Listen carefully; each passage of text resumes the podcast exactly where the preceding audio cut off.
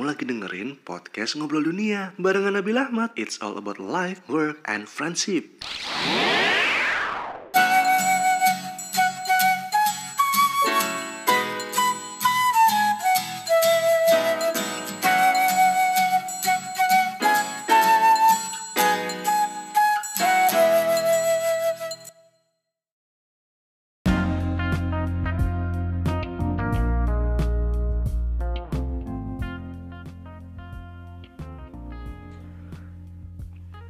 Selamat datang di Nabil Ahmad Ngobrol Dunia.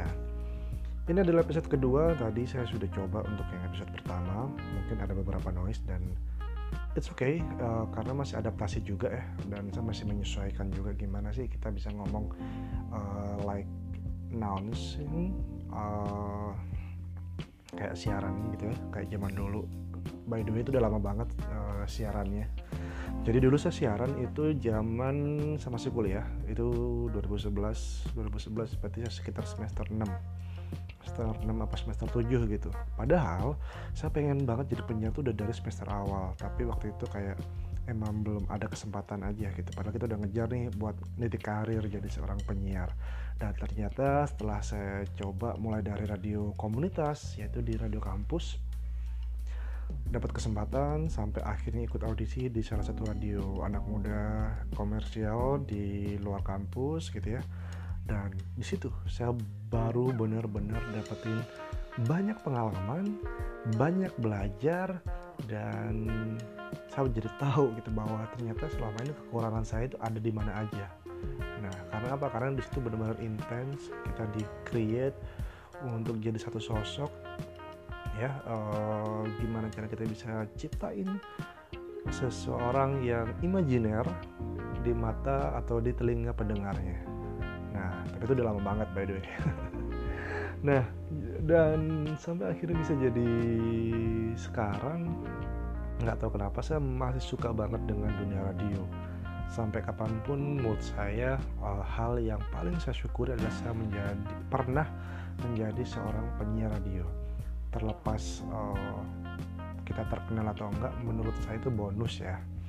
Karena uh, banyak banget orang yang berpikir kalau di zaman itu mungkin sampai sekarang juga ya kalau misalnya mau jadi penyiar gitu ya bukan karena passionnya mereka buat siaran itu buat sharing buat belajar. Dalam artian gini karena kalau penyiar itu uh, kita dituntut untuk tahu banyak hal entah itu lagu entah itu informasi ya berita ataupun semacamnya. Dan kita berbagi untuk orang lain. Biar orang lain tuh dapat info yang memang bermanfaat gitu ya dan dan impactful gitu kan. Nah cuma banyak orang tuh pengen jadi penyiar hanya karena pengen terkenal aja. Karena ya nggak dibungkiri orang dengan jadi penyiar tuh pasti ada pendengarnya, ada pendengar suka dan akhirnya ngefans dan akhirnya terkenal, akhirnya dapat banyak job dan akhirnya ya ke mana-mana lah. Tapi sebenarnya itu bonus gitu kan. Tapi ketika orang itu passionate banget untuk jadi seorang penyiar, biasanya sih yang udah-udah ya uh, dulu pernah ketemu senior yang dia kayak passionate banget untuk jadi seorang announcer dan lumayan lama juga gitu loh dia berkarir di bidang itu entah dia memulainya sebagai seorang announcer dulu atau uh, trainee kemudian dia bisa siaran live di studio. Karena ada beberapa radio yang dia punya dua studio satunya itu off air dan satunya on air. Nah off air ini biasanya untuk persiapan gitu. Jadi kayak uh, pre-announce dia biasanya recording dulu suaranya, tapping, dan dia akan evaluasi selama 1 sampai 3 bulan sampai benar-benar secara karakter, secara kualitas suara uh, dia sudah cukup dianggap uh, representatif untuk mewakili si radio itu. Nah, kemudian nanti barulah nanti dia dikasih jadwal. Nah, jadwal pun dia nggak bisa tuh megang prime time. Uh, jadi biasanya ada seleksinya lagi seleksi dalam artian itu dari dari entah itu dari produsernya entah itu dari program director gitu ya kan. Dia nanti biasanya kebagian entah siaran malam dulu entah siaran pokoknya nanti di jam-jam uh, yang nggak terlalu prime time. Karena kenapa? Untuk menghindari kesalahan-kesalahan yang memang sifatnya itu live gitu ya. Nah terus apakah seorang penyiar itu harus mengoperasikan segala macam peralatan yang ada di meja siaran Enggak juga, ada beberapa radio yang dia punya operator. Ada juga yang memang radio yang mengharuskan penyiarnya harus bisa menguasai si alat-alat itu. Ya, minimal dia bikin playlist. Eh, eh kok playlist tuh sebenarnya di range sama uh, musik directors ya. Cuma emang sebisa mungkin penyiar harus menguasai kayak gitu. Nah, selain itu yang paling penting ketika kita siaran live itu biasanya kita akan ditandemin. Ditandemin artinya dia dicoba lah siaran duet kita gitu kan. Biar ada yang ngajarin kita kan.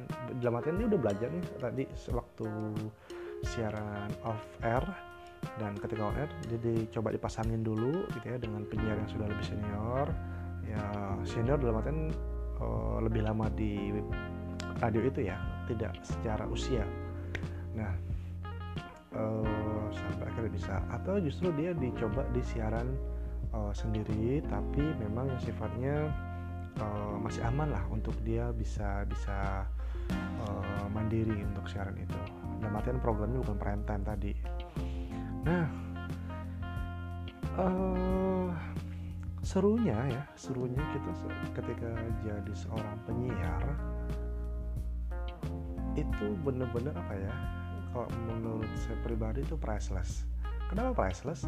Karena uh, satu kita bisa menghibur diri sendiri. Kedua kita bisa meluapkan ekspresi kita menghibur orang lain lewat suara kita.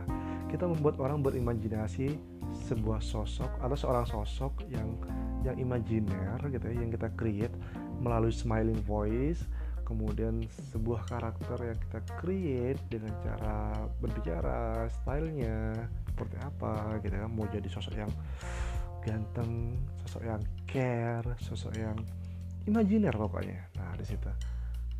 Dan dan ketika ada respon positif dari seorang pendengar itu untuk seorang uh, penyiar di awal-awal itu tuh itu priceless banget. Itu membahagiakan banget gitu loh jadi walaupun kita nanti akhirnya siaran harus pagi-pagi uh, mostly ya radio itu mulai ada penyiarnya itu sekitar jam ada yang jam 5 ada yang jam 6 pagi. Dan paling malam biasanya jam 12 malam. Tapi ada juga radio yang 24 jam. Dia ada tuh biasanya siaran jam 1 atau jam 2 pagi sampai jam 4 atau jam 3 pagi kayak gitu. Nah tergantung sih tergantung kebijakan dan karakter si radionya itu Nah untuk program-program sendiri programnya macam-macam, mulai dari anak muda, dewasa, anak-anak, keluarga, dan itu tergantung genre dari si radionya sendiri seperti apa. Karena image yang ingin ditampilkan setiap radio untuk nge-grab marketnya itu beda-beda. Oke? Okay? Nah, uh, karena market dan segmennya beda, automatically lagu yang diputar juga berbeda, konten otomatis beda, dan yang pasti berbeda lagi adalah gaya penyampaian, gaya bahasa. Nah, itu sangat berbeda.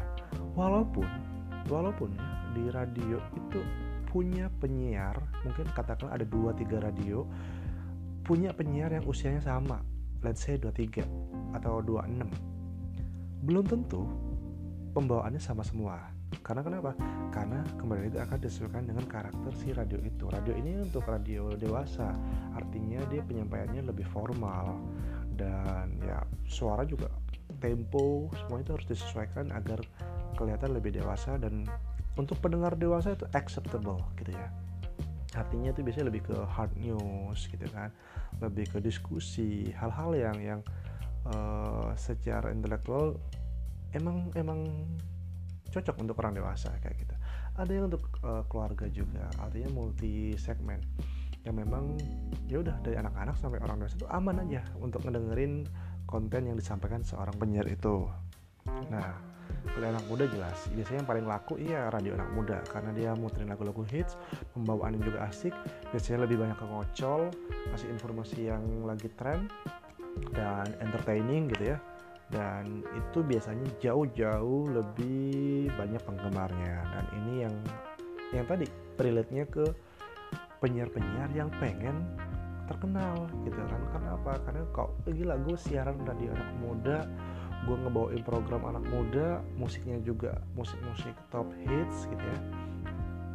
Dan gue penyiar terkenal nah kayak gitu gitu cuma sayangnya orang-orang yang mikir seperti itu. Biasanya mereka tidak berpikir tentang prosesnya.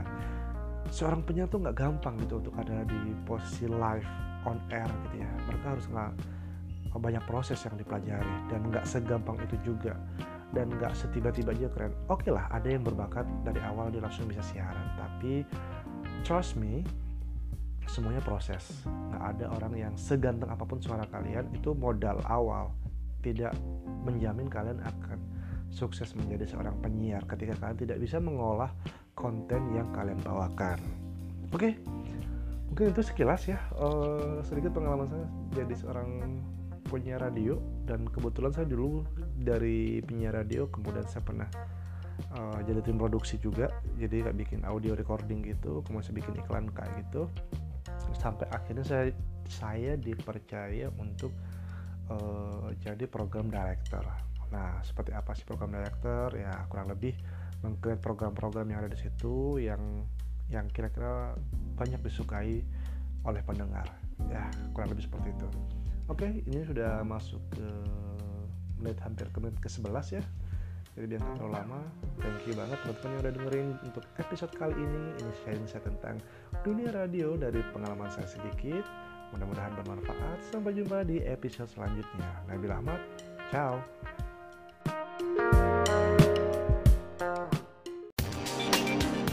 Wow, thank you sudah dengerin podcast Ngobrol Dunia barengan Nabil Ahmad. Kita ketemu lagi di episode selanjutnya. Jangan lupa follow Instagram Nabil Ahmad di @nabil_ahmad. Jangan lupa ya.